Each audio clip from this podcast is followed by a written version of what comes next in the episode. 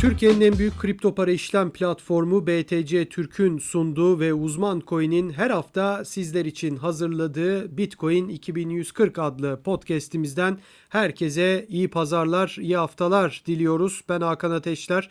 Arkadaşım Burak Köse ile birlikte yine bu haftada e, önemli bir konukla ve tabii ki konularla Bitcoin başta olmak üzere kripto paraları konuşacağımız önemli konularla sizlerle birlikteyiz. Bu haftanın konuğu ekonomist ve teknik analist Kamile Uray kendisi ile tabii ki fiyatları konuşacağız, gidişatı konuşacağız, sektörü, endüstriyi konuşacağız ve kendisine de hoş geldin diyelim. Kamile Hanım hoş geldiniz programımıza. Hoş bulduk. Teşekkür ederim. Sağ olun. Sağ olun biz de teşekkür ederiz katılımınız için. Burak sen de hoş geldin. Sağ ol Hakan sen de hoş Teşekkürler. geldin. Şimdi Burak tabii bir ekonomist ve teknik analist programımıza katılmışken gerçekten yani fiyat konuşmamak herhalde olmaz. Evet. Ki herkesin yine çok çok merakla takip ettiği bir dönemdeyiz. Yani geçtiğimiz hafta zannediyorum bugünlerde 47-48 binlerdeydik. Hani herkes buradan dönerse yani dönerse buradan döner gibi konuşuyordu ve oradan döndü. Yani ben bir teknik analist değilim bu konuda bir bilgim yok ama gerçekten Twitter'da özellikle gördüğüm oydu. Herkes tam ucundan döndü. Buradan hani tırnak içinde söylüyorum kurtardık diyordu. İstiyorsan oradan başlayalım Burak. Yani Kamil Hanım'a oradan sorarak başlayalım. Fiyatla da alakalı olsun. Kamil hocam yani siz e, tabii biz hepsini konuşacağız. Temel analiz, teknik analiz farkı nedir? Siz e, ikisini nasıl ayırt edebiliyorsunuz? Sektör e, fiyatlar çok yeni ya 10 senelik bir geçmişi var kripto paraların ve hani e, adaptasyon tam tamamlanmadı. Bunların hepsini konuşacağız ama siz bu görüşe katılır mısınız? Yani geçen hafta Bitcoin'de e, böyle direkt olarak girdik ama tabii en çok konuşulan konuda fiyat. Yani tam yerinden döndü yorumları yapılıyordu geçen hafta. Siz katılıyor musunuz? Böyle mi düşünüyordunuz ve e, tesadüf müdür acaba bu? Yani tam noktası noktasına eğer öyleyse bu nokta atışı geri dönüş, yükseliş tekrardan bu tür nasıl diyelim fiyatlanmalar normal midir, tesadüf müdür? Neler söylemek istersiniz? Şimdi e, bu hareketlerin hem düşüşün hem çıkışın hiçbirisi tesadüf değil. Hepsinin teknik bir e, gerekçesi, bir ölçümü var. Yani o, o döndüğü yerler zaten düşüş anında e, o günlerde bir YouTube'da yayın yaptık ve o zaman daha düşüş devam ederken o noktayı işaret etmiştik. Bunları teknik olarak görebiliyoruz biz. Bize o işaretler geliyor. Oralarda dönmesi gereken yani tabii ki yüzde yüz orada dönecek değil ama bazı teknik olarak işaretler geliyor. Ee, onları sinyalleri gördüğümüzde yani bu buradan döner döner diye düşünüyoruz. Tabii hiçbir zaman hiçbir teknik analiz bunlar bir olasılıktır ama çoğunlukla bu e, teknik analiz metotlarıyla o bölgeleri e, olasılığı daha yüksek olanları tespit edebiliyoruz. Bunda da tespit ettik yani tam orayı daha önce nokta olarak da bildirmiştik. O şekilde de döndü. Yani e, teknik analiz bu işaretleri her zaman veriyor. Düşmeden önce de o işaret vardı fiyatlarda bir zayıflama vardı. Oradan da düşeceğini e, düşünebiliyorduk yani. Evet yani e, gerçekten hani o hangi gündü tam hatırlamıyorum ama hani böyle bir sabah ben kalktığımda e, yeniden yükselmişti zannediyorum 50 binlere bir yükseliş yaşamıştı ve neredeyse Twitter'da herkes bayram ediyordu. Yani e, buradan döndük tamam rahatladık diyordu. Yoksa hani oradan da aşağı düşseydi çünkü söylenen hani e, bambaşka bir yola gireceği yönündeydi.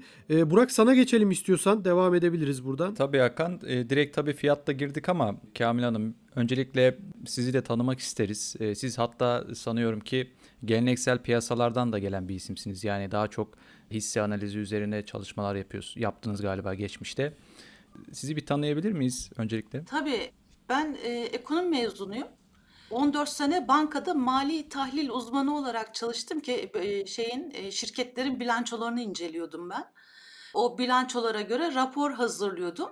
Yani aslında e, şeyin Borsa İstanbul'da işlem gören şirketlerin temel analiz konusu benim mesleğimdi. Daha sonra Gümrük Ticaret Bakanlığı'na geçtim e, özelleştirmeden dolayı ve orada da stratejik planlamada önce araştırmacı sonra da planlama müdürü olarak çalıştım ve daha sonra teknik analize başladığımda anladım ki planlama ve teknik analiz ikisi birlikte çok güzel meç edilebiliyor ve tam gerekli konular üzerinde çalışmışım diye düşünüyorum. Benim iki tane çocuğum var. Oğlum üniversitede okuyor. Kızım da bu sene üniversite sınavına girecek. Üç yıl önce e, Gümrük Ticaret Bakanlığı'ndan emekli oldum ben. Ondan önce e, son zamanlarda teknik analiz aslında ekonomi okumanın, bankada çalışmanın, mali tahlil uzmanı olmanın teknik analizde ilgisi yok bir kere. Bu teknik analiz e, bambaşka bir alan. Tamam finansal piyasalara yakınız ama bu da farklı bir metot yani. Bunları ben işte o zaman öğrenmeye başladım. Zaten işte teknik analiz öğrenmeye de ben kripto borsasıyla, hı hı. kripto piyasasıyla başladım. 2017'de ben kripto piyasasına girmiştim. E, o zaman 2017 yılının başlarında. Evet iyi bir dönem. Fiyatlar düşük. Evet güzel bir dönemdi. O zaman şey mesela Çin kapatıyor denildi falan.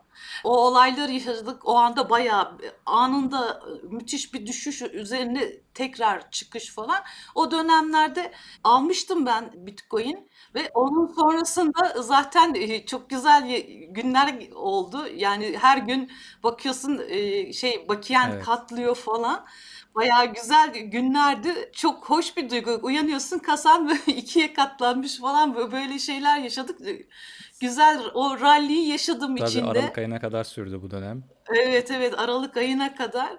E, tabii o zamanlar teknik analiz o kadar bilmiyordum. Yani şans eseri diyeyim. Hani finansal piyasalarla ilgilisin ama grafik okumak, buradaki grafikleri okumak daha farklı. O, onlarla ilgilenmiyordum ve o zamanlar hani 19-20 bine çıktığında herkes 50 bin olacak diyordu. Hatta 100 bin konuşuluyordu. 100 bin onlar da söyleniyordu ve insan bilmeyince inanıyor bunlara sattım, karla sattım ama ondan önce düşüşün bir kısmında içindeydim. Ben de inanıyordum herkes öyle diye diye. Yani burası dip diyorlardı. Tamam diyordum. E, tamam Evet. buradan dönecek diyordum. Yani herkes öyle diyor. Çünkü şey deniliyordu. Bitcoin satılmaz her yerden alınır. Buna da inanıyordum ben de. Evet. Meğersem için şeyi boyutu öyle değilmiş. Aslında e, grafikler her şeyi söylüyormuş. Öğrendikçe bunu Tabii. anladım ki. Bu işi o kadar çok sevdim ki. Zaten bir işte başarılı olmak için sanırım onu severek yapmak gerekiyor. E, dedim ki niye şimdiye kadar ben bu işte başlamamışım? Keşke daha önce tanışsaymışım dedim e, ve bunu öğrendikten sonra da hani insanlar biliyorsunuz bizim e, kamuda emekli olduğumuzda maaşlarımız yarı yarıya düşüyor. Bu bilgiler yokken hani nasıl emekli olacağım, nasıl geçineceğim diye öyle sıkıntılarım, kaygılarım vardı. Bunu öğrendikten sonra emekli oldum yani hiçbir şey düşünmedim. Yani ben nasıl geçineceğim? Yani bu burada ben kriptoda kazanırım diye düşündüm ve düşünmeden emekli oldum. İyi ki de emekli olmuşum diyorum. Daha sonra hani bu konuda kendimi ilerlettim. Yani sürekli artık benim hayatım grafikler üzerine. 3 yıla yakın bir süredir emekliyim. Zaman nasıl geçiyor hiç anlamıyorum. O kadar güzel ki grafiklerle birlikte evet. insanı motive ediyor. Yani ben e, mesela bankada baş uzmandım. Uzmanlıktan baş uzmanlığa terfi aldığımda hissettiğim e, mutluluğu burada bir çalıştığımız bir analiz hedefine ulaştığında her seferinde ben o mutluluğu yaşıyorum. Yani e, severek yapıyorum, severek yaptığım için de hani güzel geçiyor zamanlar. Ayrıca hani bu öğrendikten sonra da ben emekli olunca dediler ki bilişim derneği var. İşte herkes emekli olunca bir derneğe falan gider ya. Buraya gel dediler. Davet ettiler. Gittim oranın da e, çok e, güzel bir projesi varmış. İşte e, Bilişimci Girişimci Kadınlar Derneği'ydi. Siz dediler hani bu teknik analizi biliyorsunuz. Bunu neden eğitim olayına dönüştürmüyorsunuz. Hani bilginizi niye paylaşmıyorsunuz, niye satmıyorsunuz gibi bir şey söylediler. A dedim olur mu öyle bir şey? E tabii dediler bizim burada projemizde bir sürü e, danışmanlıklar, eğitimler falan. Siz de bir iş tanımı yapın dediler. Bu arada ben e, tabii o kadar cesaret edemiyorum. Bana teknik analizi öğreten hocam var. Sait hocam şu anda hep birlikteyiz. E, ona söyledim. O da dedi ki hani ben dedi e, her türlü bu hele kadınları geliştirme ile ilgili her türlü projede sizi desteklerim dedi ve onun cesaretiyle ilk e, teknik analizle ilgili eğitim vermeye o Bilişim Derneği'nin bizi iteklemesiyle başladık diyebilirim. Daha sonra da hani pek biz teknik analiz eğitimi veriyoruz diye hiçbir yerde duyuru yapmıyoruz ama katılanlar birbirlerini tavsiye ederek ara ara yapıyoruz. Yani bir yandan da hem teknik analizde geçimimizi sağlarken artı bir de bizim bu yönümüz oluşmaya başladı. O da çok zevkli. Çünkü hani orada burada öğrenen insanlar gerçekten grafikleri okumayı öğreniyorlar. Öğrendiklerinde onların e, bize geri dönüşleri de büyük bir mutluluk oluyor. Anladım. Tabii kripto ile ilgili çok güzel hikayeler var. Kripto paranın insanların hayatlarına dokunduğu. E, sizinki de onlardan biri. Şimdi ana akım medyada tabii kripto paralar hep böyle kötü yanıyla konuşuluyor. İşte dolandırılanlar, mağdur olanlar. Ama halbuki diğer taraftan gerçekten kripto paradan hayatını kazanan ve kripto parayla hayatını değiştiren buna ben kendimi de katabilirim. Çok sayıda da insan var. Bence biraz da bunların konuşulması lazım diye düşünüyorum. Kesinlikle. Aslında bu yani kripto para özelinde konuşuluyor ama yani etrafımıza baktığımızda dolandırıcı her yerde, her konuda var. Tabii tabii. Yani insanlar e, bu konuda bir şekilde e, daha seçici olmalı, her şeyi atlamamalı diye düşünüyorum. Tabii kesinlikle. Şimdi siz tabii 20 bin dolardan o 3 bin dolara sert bir düşüşü tecrübe etmişsiniz. Ee, biz de gayet güzel tecrübe ettik o dönemi. Şimdi tabii Bitcoin fiyatı da son dönemlerde, son aylarda ciddi bir yükseliş içinde. İşte son 5 ayda 20 bin dolardan geldik. 20 bin doları geçtikten sonra 60 bin doların üzerine çıktık. Şu anda piyasada olanlarda da şöyle bir yandan şöyle bir panik var ki geçtiğimiz günlerde Bitcoin 47 bin dolara düştüğünde herkes bunu konuşmaya başlamıştı. İşte boğa sezonu bitti mi? Ayı mı geldi gibi. Yani herkeste böyle bir tedirginlik var. Acaba tekrar 20 bin dolardan o sert düşüşü yaşayacak mıyız? Onun gibi bir düşüş kesinlikle yaşayacağız ama ne zaman gelecek bu düşüş? Böyle sorular var insanların aklında. E siz şu anda bu anlamda e, hangi aşamada olduğumuzu düşünüyorsunuz? Yani Bitcoin fiyatı teknik anlamda baktığımızda buradan hala gidebilecek yeri var mı? Yoksa artık yavaş yavaş bu fiyat rallisi tükenmeye mi başlıyor? Ee, şöyle hadi grafiğe baktığımızda aslında Bitcoin 20 Evet. binden sonra çok dik çıkış yaptı. Tabii ki bu dik yükselişlerin mutlaka düzeltmesi oluyor. Ve, ve bütün grafiklerin döngülerine bakarsak yükselir düşer tekrar son tepesini geçer. Ölmedi bitmediyse kapanmadıysa bu döngüler mutlaka olacak.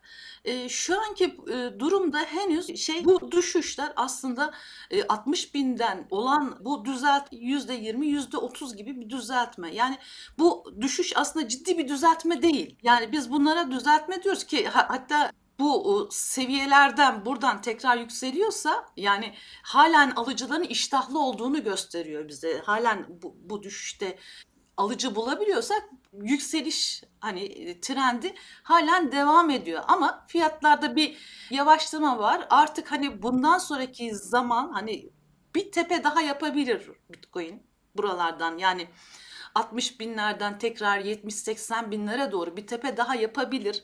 Hani bunun zamanını bilmeyiz. Buralarda oyalanabilir.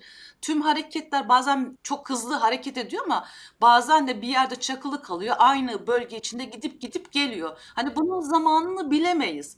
Ama Evet. buralardan bir tepe daha yapmasını bekliyorum ve ondan sonra da hani büyük büyük düşüş demeyelim ayı boğa yani bir düzeltme olacak ki düzeltme nedir? Bu yükselişi başladığı en son dibi kırmadığı sürece yani yüzde seksen bile düşse aslında teknik olarak bu bir düzeltmedir. Tabii bunun içinde yaşayanlar o kadar düşüşü kaldırmak çok zordur. O yüzden hani olacak yani düzeltmeler de olacak. Hani yüzde altmışa kadar belki olacak. %80 değil. Halen alıcıların iştahı devam ediyor. Bitcoin kripto piyasasının bilinirliği arttı. Bütün bunların e- etkisiyle hani hiçbir şeyin garantisi yok ama hani belki %60'a kadar %60 yani tüm e, fiyat yükselmesinin %60'ı kadar bir düşüş olabilir. Ondan sonra da gene alıcı bulabileceğini düşünüyorum. O tekrar şu anda bulunduğu tepesini yani veya 80 binden mi düştü? O 80 bini de aşacağını ama bu bu yıl olmaz. Önümüzdeki yıl olur. Hani bunlar zamana yayılacak ama yani kripto piyasası gelişiyor, büyüyor. Yani hem teknik olarak grafiklerde bu düzeltmelerden sonra normalde geçmişte ne olduysa aynı şey oluyor. E, 20 binden 3 bine düştü. Bakın 20, 20 bin tepesini geçti. Gene e, benzer dalga bir daha olacak. Düzeltmeden sonra tekrar yükselişine devam edecek. Evet, e, Hakan son bir şey daha söyleyeceğim. Ondan sonra sana vereceğim sözü. Şimdi tabii Bitcoin 60 ye- 61 bin 781 bin dolardan bir pardon e, düzeltiyorum 64.895 yani 65 bin dolardan bir yaklaşık bir %30 bir düzeltme yaşadı 47 bin dolara doğru. E zaten boğa piyasalarında e, yükselişlerde baktığımızda genelde böyle düzeltmelerle gidiyor. %30 işte %35 %33 o açıdan baktığımızda bu son yaşadığımız düşüşü herhalde bu sağlıklı bir düşüş olarak nitelendirebiliriz öyle değil mi? E, tabii tabii yani yüzde otuzluk düşüş yani şey e, düşüş değil yani yüzde otuzluk düzeltme. Ya şöyle düşünelim mesela bir e, şeyde mağazada bir mevsim sonunda indirimleri oluyor. İlk indiriminde Evet. e, mesela yüzde yirmi beş yüzde otuz oluyor. En son çok indirim diyorlar yüzde elli yüzde altmış oluyor. Ondan sonra tekrar onlar bile yükseliyor. Burada da benzer şeyler. Aslında e, buralarda bahsettiğimiz rakamlar Fibonacci e, seviyeleri yani bu bunlar bütün hayatımızın içinde her yerde var. Grafiklerde de bu yüzde 38'ler düşüş bir Fibonacci seviyesine denk geliyor ve yüzde 38'lik düzeltme yani alıcıların iştahlı olduğu bir düzeltme seviyesidir. Ki %61'e kadar da alıcıların iştahlı olduğu bir düzeltme seviyesidir. Anladım. Tabii bizce şey yani insanlar mesela Bitcoin'e yatırım yapıyorlarsa ve e, bunu satın almak istiyorlarsa hep zaten Hakan'la beraber bu biz bölümlerde bunu dile getiriyoruz. Bitcoin'e yatırım yapacak olan bir insan bence çok da fiyatla ilgilenmeden bunu işte her ay işte her hafta veya düzenli bir şekilde yapmalı. Eğer uzun vadeli düşünüyorsa uzun vadeli yatırım yapacaksa bu şekilde yapılmalı ve biz tabii burada birçok fiyatla ilgili konuşuyoruz, yorumlar yapıyoruz. Bunların hiçbiri de tabii ki yatırım tavsiyesi değil. Sadece biz e, Bitcoin'i teknik açıdan, teknik grafiklerle burada konuklarımızla yorumluyoruz. Hakan? Kamile hocam şimdi ben şunu sormak istiyorum. Hani tabii fiyat odaklı başladık belki programa ama gerçekten insanların hani baş ilgi noktası da bu. Yani Burak'ın da dediği gibi biz hep konuşuyoruz zaten. Uzun vadeli düşünen var ama hepimizin belki belki değil muhtemelen sizin de vardır, çocuklarınızın da vardır, arkadaşlarımız var hepimizin ve hani işte abi ay sonuna şöyle bir artış olur mu? Bu coin iki katı yapar mı gibi bize de hep sorular geliyor. Tabii hani bunlara genelde cevap vermiyoruz zaten. Veremi veremeyiz de. Ama şunu soracağım. Şimdi bir de işin yani bu sektörün, bu endüstrinin gerçekten çok bilinen bir sürü teknik analisti var, temel analisti var. İşin politik, ekonomik yönünü tamamen aslında teknik analizden bağımsız olarak söyleyen de birçok insan var. Ve yani şunu çok duydum. Siz de mutlaka görmüşsünüzdür. Twitter'da okumuşsunuzdur. Videolarını e, YouTube'da izlemişsinizdir. İşte 100 bin doları geçecek. 300 bin dolar, 250 bin dolar gibi yorumlarda yapılıyor. Şimdi uzun vadede aslında herkesin yorumu kendinedir tabii. Uzun vadede olabilir de imkansız diyemeyiz. Hele bu seneki birçok fiyat artışından sonra imkansız demek çok zor ama özellikle 2021 sonu için yani veya 2022 başı için yapılıyor bu tür yorumlar. Yani çok abartı geliyor mu size bu yorumlar e, fikriniz yani bir teknik analist olarak da ve ayrıca bir bütün dünyadaki olayları da takip eden bir ekonomist olarak da yani iki anlamda da bir temel analist de belki olarak da e, burada ne söylemek istersiniz? Yani size gerçekçi geliyor mu? Sene sonu 300 bin dolara giden bir coin veya 200 bin olabilir, 150 bin olabilir. Yani çünkü bu, bu fiyatlara gelmesi demek Bitcoin'in genel nasıl diyeyim piyasanın değerinde inanılmaz derecede. Şu anda 2 trilyon 200 milyar dolarsa belki 5 trilyona gitmesi demek, 6 trilyona gitmesi demek bu fiyatların en azından tabii ki. Siz nasıl görüyorsunuz bu tahminleri? Nasıl yorumluyorsunuz? Yani evet e, 100 bin olabilir. Hani e, biraz önce de bahsettiğim bir tepe daha yapacak. E, tamam e, 70-80 bin tepesi belki 100 bin hani coşku devam ederse olabilir. Ama bunun için e, bir zaman vermek yani bence yanlış. Yani bu sene böyle olacak, şu sene böyle olacak. Ha, çok var bu yani sözünüzü kestim ama gerçekten özellikle bu soruyu sormamın sebebi geçmişteki podcastlerimizde de ben konuklarımıza aynı soruyu Burak'la birlikte sorduk. Yani özellikle 2021 tabii ki bir boğa sezonu zaten bekleniyordu bu dönem için. O ayrı bir konu ama yani özellikle işte belki 2021 Kasım, Aralık, 2022, Ocak, Şubat, Mart gibi. Yani öyle bir spesifik bir tarih veya ay verilmiyor ama hani bu bahsettiğim dönem 2021 sonu 2022 başı. Yani çok gördük bu e, yorumları yani 100 binden 300-400 binlere kadar giden yorumlar açıkçası. Hani bu açıdan sordum. Şimdi siz hani 100 bin olabilir diyorsunuz. E tabi zaten 100 bin mesela şu anda da hiç kimseye bizi dinleyenlere de herhalde imkansız gelmiyordur. Ama 300 bin şu andakinin 6 katı demek. Yani o da Bitcoin için. Yani inanılmaz bir rakam ve hani 6-7 ay sonra belki zaten seneyi bitireceğiz 7-8 ay sonra. Yani çok bana bilmiyorum. Siz bir teknik analist olarak görüşünüz nedir bu konuda? Özellikle 300-400 bin yorumları ile ilgili. Tamam 300-400 bin olacak ama şu tarihte şu kadar sürede yok 6 ayda olacak diye bir şey yok. Yani Evet. Bir trendi var. Şu anda trendi var ama dik yükseldi. Bu dik yükselişin bir düzeltmesi olacak. O düzeltmenin ne kadar süreceğini bilmiyoruz. 2017 yükselişinden sonraki düzeltme 3 yıl sürdü mesela. Yani o 3 yıl sürdü diye Tabii. bu bu seferki 3 yıl sürecek diye bir şey yok ama bunun zamanını kimse tahmin edemez ki. O biraz falcılık gibi geliyor bana. Trend yükseliyorsa trende bineriz. Trendin peşinden gideriz. Eğer düşüyorsa da satar bekleriz. Düzelttiğinde tamam yükselecek. Aynı tepeyi geçecek. E, 100 bin doları da geçecek. 300 bin, 500 bin bu, bunları görme ihtimali de mümkün. Çünkü o yaptığı dalganın daha büyük dalgasını yapıyor. 2017'de yaptığı dalganın daha büyük dalgasını yaparak büyüyecek bütün grafiklere bakarsak tümü hepsinde de budur. Yani yükselir, düşer. Ondan sonra daha önceki dalganın bir büyüğünü yaparak çünkü ne oluyor? Ekonomi gelişiyor, dünya genişliyor. Ya bu geliştikçe tabii e, şey işlem hacimleri, para e, piyasadaki paralar bunlar da artacak. Tabii. E, onunla birlikte tabii ki bunların değerleri de daha önceki dalganın bir büyüğü olarak hareket edecek. Tabii hepsi mümkün ama bunun bir 6 ay, 3 ay veya bir sene içinde olacağını söylemek bu tarzda hayallerle de insanlar o zaman her yerden alır. İşte ben kendi hikayemi anlattım.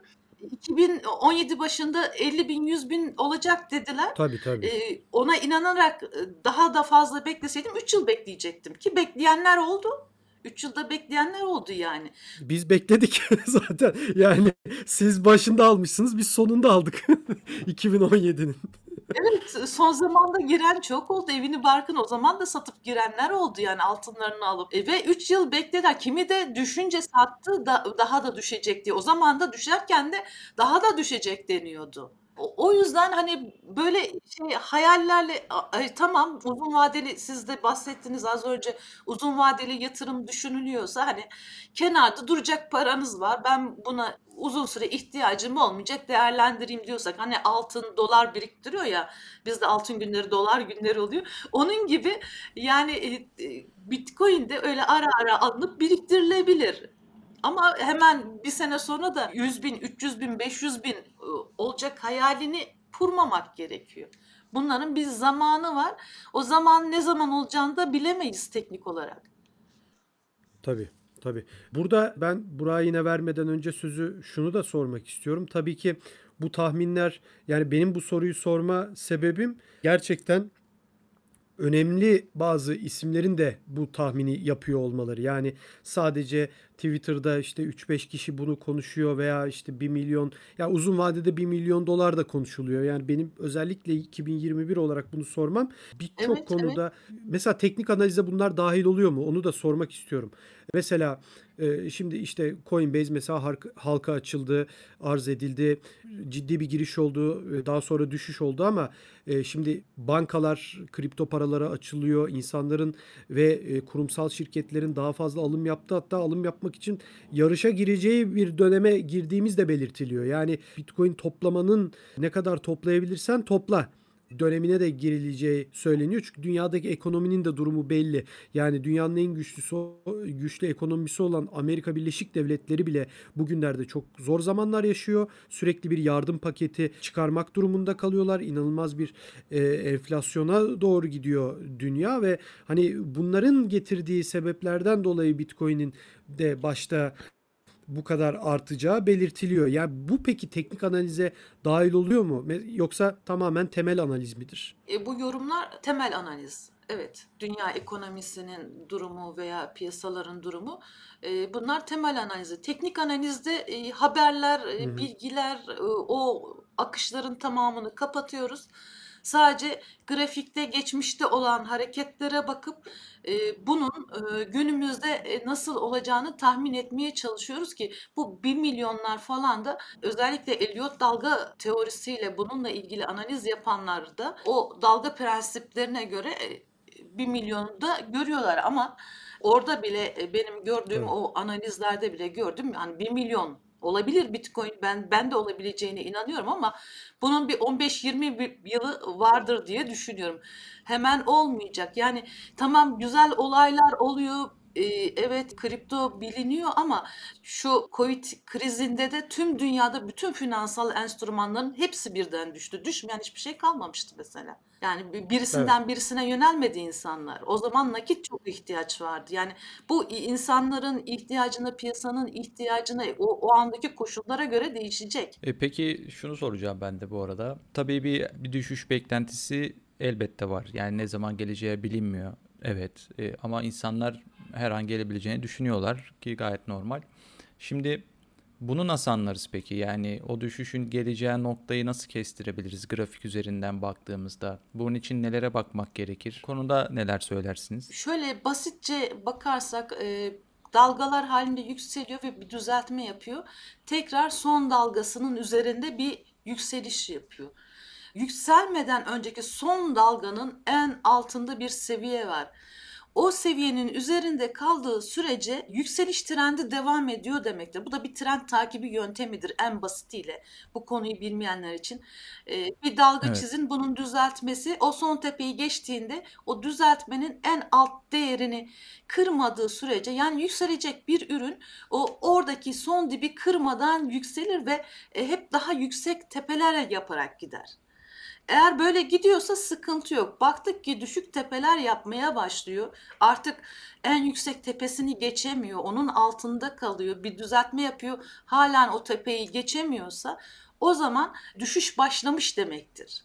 E, temkinli olmak gerek. Düşüş de aslında hani hep herkes kriptonun bu volatilitesinden çok korkuyor ama şöyle grafikleri e, daha geniş zamanda baktığımızda düşüşün bile birden olmadığını göreceğiz. Yani biraz düşecek, tekrar düzeltecek, yukarıya doğru düşerken de yukarı doğru düzelterek düşer. E, Bu bunlar Evet. olacak. Yani bu, bu hareketleri gördüğümüzde yani fiyatlarda zayıflamalar olacak. Yani bunu aslında piyasa o zaman hissedecek.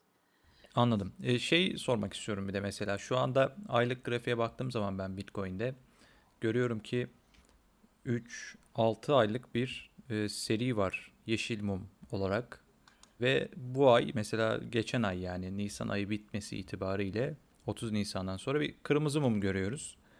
Bundan endişe etmeli miyiz? Şu anda mesela 6 bir yeşil seriden sonra bir kırmızı mum geliyor. Bu konuda ne söylersiniz? Yani korkmalı mıyız Bitcoin düşecek diye mesela? Şimdi e, bu bu tarzda e, mumları görünce ya aslında bu ayın e, kapanış mumu Evet, kararsız evet bir öyle mum. görünüyor. Yani ne yapacağını bilmiyor. Yani öyle kararsız bir yerde tamam kırmızı mum ama e, halen kararsız bir mum olarak görüyorum beni ben bunu. E, bu eğer son tepesini yani en yüksek tepesini geçmezse tamam düzeltme gelebilir ama bu mumu gördük diye de kesin bir karar vermek, bir yargıya varmak imkansız. Bu bu tarzda mumlar olup daha önce daha önceki aylara bakarsak benzer mumlar yapıp daha sonra yükseliş devam etti. Yani öyle onda olabilir Evet. ama zaten böyle aşırı aylardır ne kadar güçlü mumlarla yükseldi. Tabii tabii yani daha önce zaten çok da herhalde görülmemiş bir şey. Bu 6 aylık bir seri yani bu kadar güçlü mumlarla birlikte Bitcoin'de daha önce görülmedi diye biliyorum ben grafiği az çok incelediğimde. O açıdan bakarsak mesela o zaman da normal diyebiliriz yani bu kırmızı mum için. Tabii tabii dinlenecek artık. Yine ben bu mum olayını e, sormak istiyorum. Mesela sabah yine ben bu sabah gördüm. E, yine Twitter'da bir tartışma vardı. İşte Burak'ın dediği gibi 30 Nisan'ı kırmızı mumla kapadı. Biri diyor ki yeşille kapasa çok daha iyi olurdu. Bu kötü oldu. Öbürü diyor ki e, mesela yeşille kapasa e, bir daha sonra yeşille kapasa e, bil- illaki bir kırmızıya düşecek. Yani en azından şimdi o düşüşü şimdi yaşadı ki daha iyi oldu diyor. Yani çok da tekniğin içine girdik ama bu konuyla ilgili pek bilgisi olmayan kişilere de ne söylemek istersiniz? Yani açıkçası hani şimdi dediniz aslında nefes aldı dediniz ama mesela yeşille kapasaydı daha mı iyi olurdu o zaman? Nefes almadan gitseydi de sonra nefes alsaydı mesela daha mı iyi olurdu? Yani e, iyi mi oldu kötü mü oldu açıkçası onu sorayım. A- Anladım. Şimdi aslında e, şöyle doji kararsız gövdesi küçük mumların kırmızı yeşil olması çok fark etmiyor. Eğer büyük uzun bir kırmızı mum olsaydı korkalım hepimiz korkalım derdim. Burada e, bizim korkacağımız şey aylık günlük falan baktığımızda yukarıda hani mumun gövdesi çok küç- küçük Hmm. uzun kılçıklar bırakıyorsa artık satış baskısı başlamış demektir. Orada e, temkinli olmak lazım. Evet e, bu ayki mumda satış baskısı da var, alttan alış baskısı da var. Mumu bakarsak e, mumun gövdesi ortada bir yerde. Bu alttaki aylık muma bakarak söylüyorum. Alttaki kılçık eğer üstte daha uzun bir şekilde olsaydı alttaki şu anda daha uzun. O, o zaman bu satış baskısının daha yoğun olacağını olduğunu düşünürdüm. Şu anda kararsızlığa yakın bir durumda. Yani ben buna bakarak yok bu ay düşecek veya bu ay yükselecek diyemiyorum kararsız. Şu anda karar verme aşamasında. Buradan işte belki o beklediğimiz bir tepeyi daha yapacak.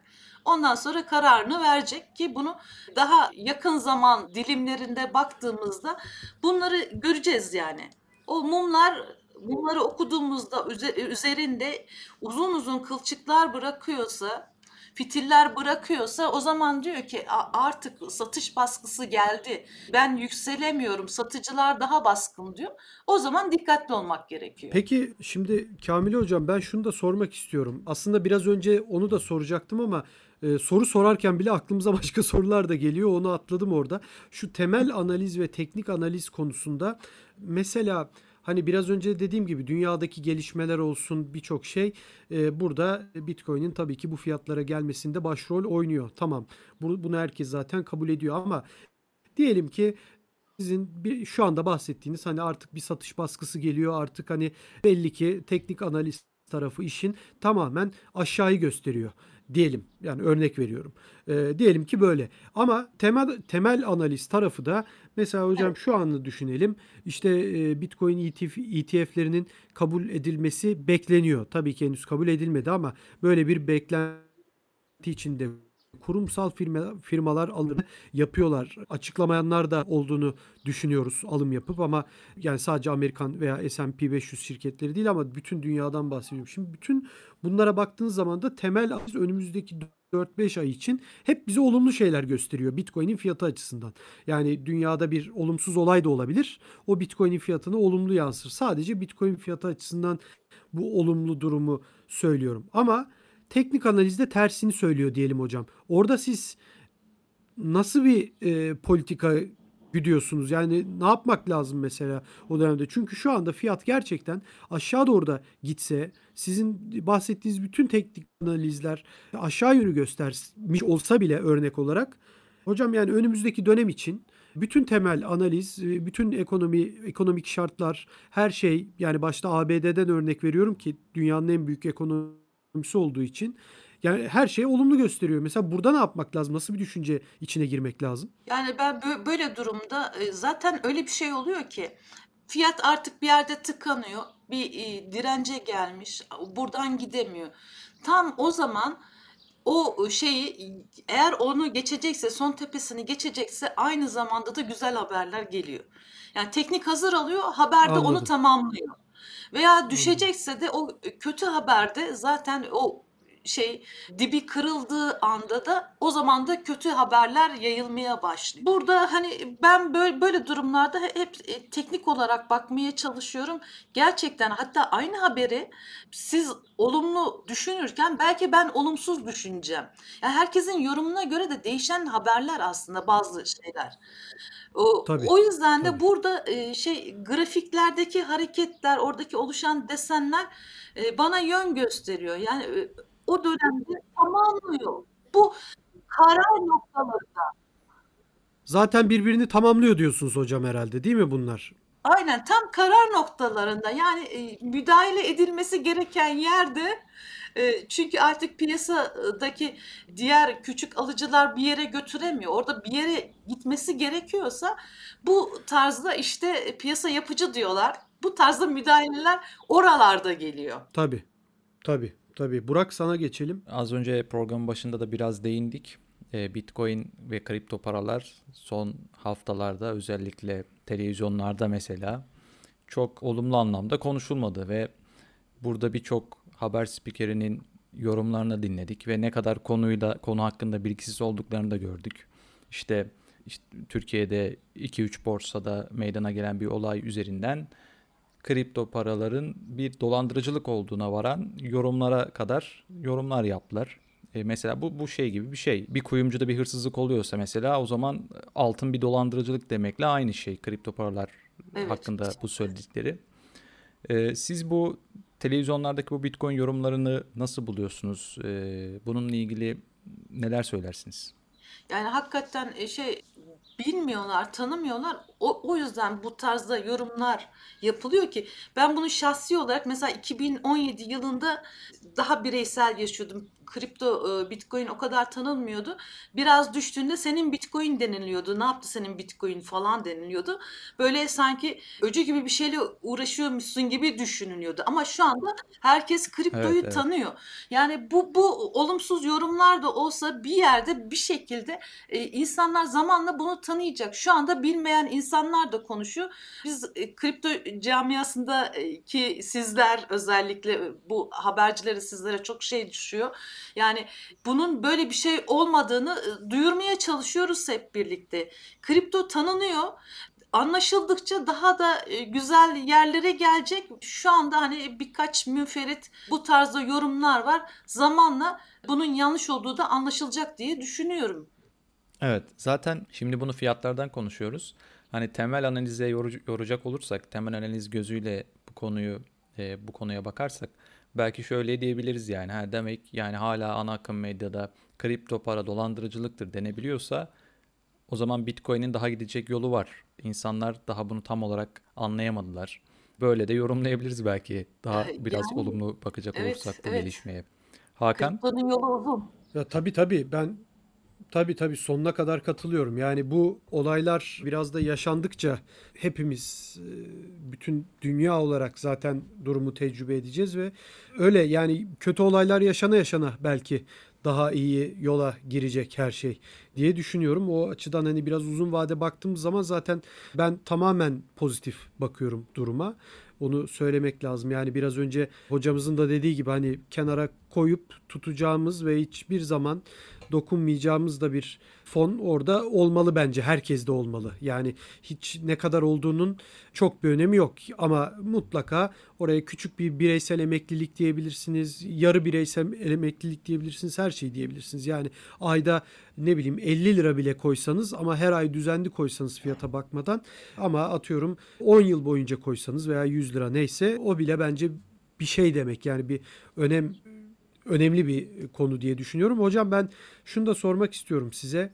Mesela siz podcast'imizin başında da biraz bahsettiniz ama siz nasıl tanıştınız e, Bitcoin ile kripto paralarla? Yani 2017'nin başında tanıdığınızı söylediniz ama nereden duydunuz? İlk intibanız ne olmuştu? Sizde böyle bir dolandırıcılık mı acaba diye düşündünüz mü? Tamamen yoksa tamamen bir ekonomist olarak ben bunu alırım satarım diye mi düşündünüz?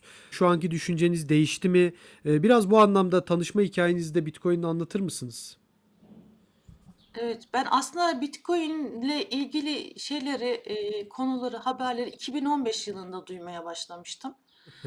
E, o zaman bile hani e, şey yenilikçi bir şey geldi. Yani teknolojisi yani e, teknolojisi için buradayım dermişim. Bir- Ama hani bununla ilgili konuşulan şeyler e, ilgimi çekmişti.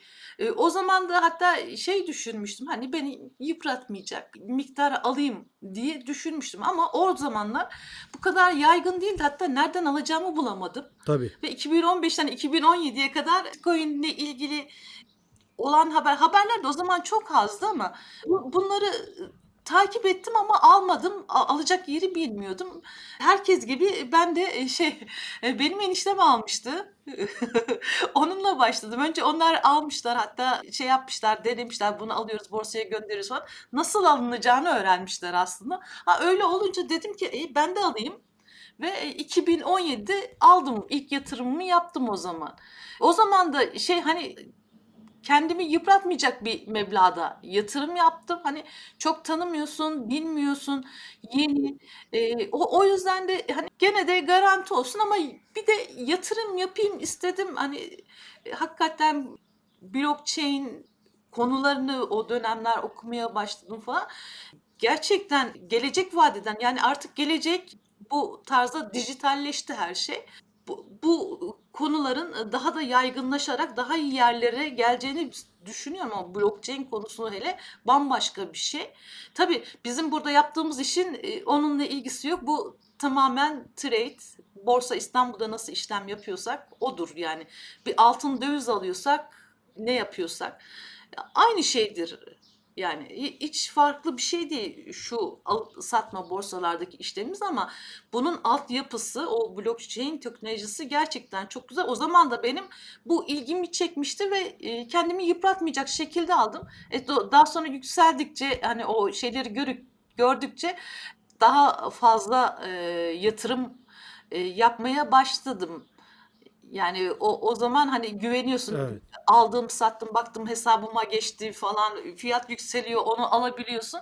O zaman hani biraz daha cesaretli tanıdık, daha e, cesaretli bu işin içine girdim. Sonra baktım ki buradan çıkamıyorum. Tabii yani genelde öyle oluyor zaten. Girdiğiniz zaman çok şey de öğreniyorsunuz. Yani programın programda da konuştuk. Hani e, hayatı siz de bahsettiniz. Hayatınızı değiştirmesinden bahsettiniz. İşte hayatını kazananlardan bahsettiniz. Ben hani kazananlardan çok değiştiren tarafın daha yoğun olduğunu düşünüyorum. Yani e, hayatını kazanmak tabii ki bu anlamda önemlidir. Ama hayatını kazananların da hayatı bir nevi Bitcoin'le ve blok zincir teknolojisiyle değişmiş oluyor diye düşünüyorum. Yani en büyük olay orada e, değişim bence. Yani Bitcoin ile ilgilenmeye başladıktan sonra mutsuz olan, yani sadece bir ekonomik gelişme olarak bahsetmiyorum. E, mutsuz olan bu anlamda önceki durumuna göre görmedim gibi bir şey. Yani Burak sen ne düşünüyorsun bu konuda bilmiyorum ama insanlar gerçekten hep daha fazla şey öğreniyorlar. İşin ekonomik yanını öğrenmeye başlıyorlar. Para kaybetse bile bir şey öğrenerek para kaybediyor. Tecrübe hepimiz ayı piyasasında belki birçok şeyi öğrendik. İşte 2017'de biz de Burak'la aynı gazetede çalışıyorduk o zaman konuşuyorduk ediyorduk. İşte o 50 binler 100 Evet. binler e, işte ben de zannediyorum ne kadar 20 bin dolardan almıştım ben de yani. Tabii. Çok o zaman yani tabii tabii tam nokta atışı 77 bin Türk Tam lirasıydı. nokta atışı. Evet evet yani 77 bin olması 75'ten almışımdır yani zaman o kadar 20 bin dolar söyleyeyim işte. hani daha aşağısı değil. Tam iğnenin ucundan. Ondan sonra öğrendim. Çok şey yapmadım, stres yapmadım. Okuyayım dedim. Göreyim YouTube'da zaten video kaynıyor. Yani ben buradan da bizi dinleyenlere gerçekten söylemek istiyorum. Artık Türkçe videolar da çok ciddi şekilde var. Bizim kendi podcastlerimizin başında bile Bitcoin'in ve blok zincirin ne olduğuna dair çok güzel podcastlerimiz var. Bilgi veren, çok basitçe özellikle Burak'ın anlattığı podcastlerimiz de var. Yani gerçekten bu anlamda öğretici olması sizin hayata bakış açınızı da bir yere kadar ben değiştiriyor diye düşünüyorum. Hocam çok teşekkür ederiz. değerlendirmeleriniz için, görüşleriniz için, katılımınız için. Ben teşekkür ederim. Sağ olun davetiniz için. Burak senin de ağzına sağlık. Senin de ağzına sağlık Hakan. Ee, yine gerçekten Rica ederim. çok çok güzel bir podcast'i de tamamladık diye düşünüyorum. Harika bir gerçekten bir teknik analist gözünden. Bu anlamda da daha önce de hep fiyatları konuştuk, şey yaptık ama gerçekten bir e, teknik analist gözüyle de bu konuda ne düşündüğünüzü bilmek önemliydi bizim için. Hocam ben bitirmeden şunu da sorayım. Aklıma şu anda geldi. Mesela çocuklarınız nasıl bakıyorlar? Genelde hep bizim e, annelerimiz, babalarımız, akrabalarımız hep bizden öğrendiler. Hep gençlerden öğrenilir genelde. Sizin e, siz çocuklarınızdan mı duydunuz, onlar mı sizden duydular? Tam tersi onlar benden duyuyorlar ve onlar daha uzaklar. Yani isterim ilgilensinler, öğrensinler ama Tabii tabii. şeyler yani. Ben öncüyüm o konuda.